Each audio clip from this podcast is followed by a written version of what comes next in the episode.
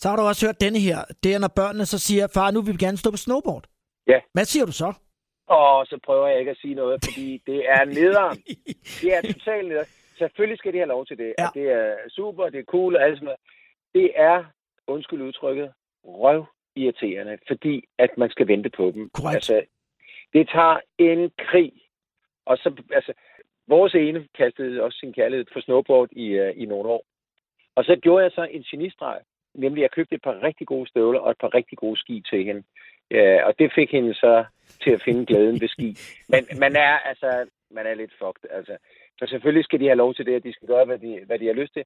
Det er, bare, øh, det er bare lidt mindre socialt. Det er rigtigt. Og de gør det jo, hvis, altså, hvis de andre står på ski, altså. de gør det jo primært, fordi de synes, det ser fedt ud. Og, og fred være med det, det, det forstår ja. jeg også. Jeg har bare sagt, min, min, min første klausul var, når I står godt på ski, så kan I kaste ud i snowboard, det var den ene. Og nummer to var, jeg kommer ikke til at deltage, for jeg ved godt, hvor meget de slår sig de første to-tre dage, Ja, og ja, jeg ved også, ja. hvem der får skylden. Så derfor, ja. så jeg kommer ikke til at gøre det med jer. Så må I få en uh, instruktør eller komme på noget hold, uh, ja, ja. Så, kan I, så kan I rode med det. Og, Ja. og så skal de jo have nogle, de skal have håndledsbeskytter, altså handsker Ja. ja. med håndledsbeskytter, Ja. ja. eller dem fra rulleskøjter. Ja, og så er det faktisk en god idé, at det er der plads til på grund på de der hængerøvsbukser.